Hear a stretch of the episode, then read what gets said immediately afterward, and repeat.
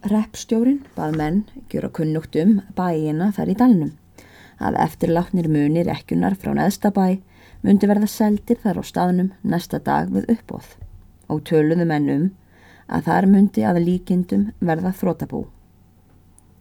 Að aflókjunni máltíð reið hreppstjórin á burt og þeir þorstinn báðir og urðu fyrst samferða niður dalinn þar til þeir komu á eirarnar fyrir neðan háls.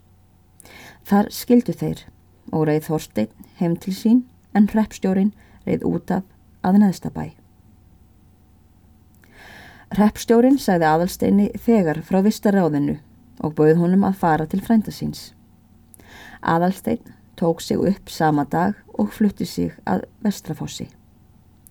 Þegar hann kvatti börnin á neðstabæ og engum þegar hann í síðasta sinni skildi við herbergi móður sinnar, þar sem rúm hennar stóð enn með ummerkjum, sömuleiðis litla borðið undir glukkanum og stóllin hjá borðinu og kistan við hinvegin gengt rúminu.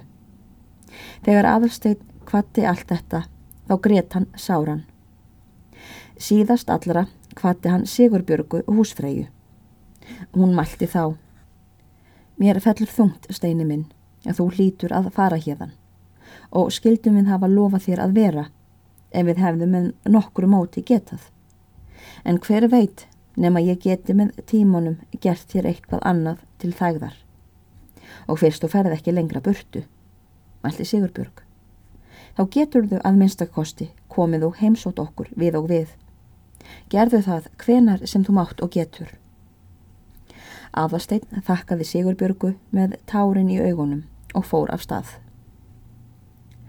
Reppstjórin tekur nú að skrifa upp og virða muni dánarbúsins og tekur Gunnar Bonda sér til aðstóðar. Svo var háttað hústakennum á neðstabæ af bæjardir vissu í vestur og voru laung-öng inn að ganga frá bæjardirum til baðstofu. Þegar inn kom í baðstofuna voru til vinstri handlar þrjú stafgólf byggð á palli og bjóð þar Gunnar Bondi með heimilisfólk sitt. Inn af göngunum var eitt stafgólf, aukt og óþiljað með glugga á austurlið söður og til hægri handar var ennitt stafgólf affyljað á gólfi með glugga sunnan á baðstofustafni. Baðstofan snýri í söður og norður og var nú þetta herbergið er hjónin á neðsta bæ gáttu lið ekkunni móður aðalsteins.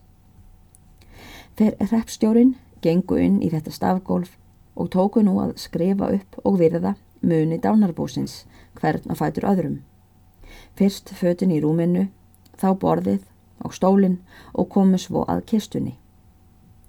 Reppstjórin spurði að liklinum en Gunnar tekur hann upp úr vasa sínum og afhendir reppstjóra. Segir að hinn dána hafi fengið konu sinni likilinn til geimslu á dánardagri. Er nú kistan opnuð og var þar ekki annað en fatnaður innar dánu. Er nú allt þetta skrifað upp og virt og þar næst einnig kistan. Græni kistillin er ekkjan hafi gefið síni sínum og vísað á undir handraða í kistunni var þar ekki nú. Eftir það spyr hreppstjórin að meiri fjármunum og er honum sagt að búið eigi enn fimm ær með lömpum, eina hrissu gamla og bleikan fóla, tvæ vetran. Lætur Sigurbjörg hreppstjóran vita að aðalsteini hafi verið eignaður fólinn. Þessi fjenaður er nú skrifaður upp og virtur og síðan líst yfir að dánarbúið eigi ekki meiri fjármunni. Þessu næst tekur hreppstjórin að spyrjast fyrir um skuldir þær er á búinu kvíli og verða þær helstar. Útferðar kostnaður hinnar framleiðinu, kaupstaðarskuld, þó eigi mjög mikil og lás á reikningur í kistuhandræðanum en fremur skuld til hjónana í neðsta bæ, bæði fyrir húsnæði um undan farin ár og svo fyrir mataralán einkum síðasta árið. Þetta segjast þau hjón vilja rekna, en þar í móti sleppa algjört allir annari fyrirhöfn sinni og greiðvirkni við hinn að dánu, er þau höfðu þó látið mikla í tíu, einkum hefð síðasta báinda ár ekkunar. Þykir hreppstjóranum þeim hjónum vel farnast. Þá er hreppstjórin hefur talið saman tekjur og göld dánarbúsins, þá segir hann.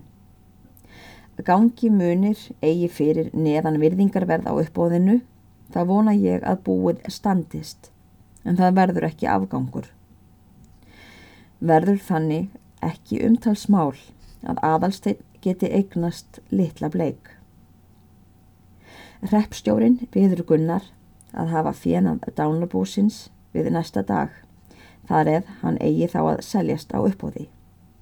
Síðan gistir hann að Gunnars um nóttina.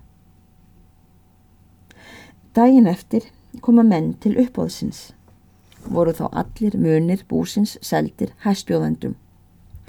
Að afloknu uppóðinu sjá menn að búið getur borið sig og greitt hverjum sitt en afgangurinn eða arfsvonin aðalsteini til að handa er svo lítil að hún er eigi teljandi. Að afloknu þessu starfi riður hreppstjórin heim.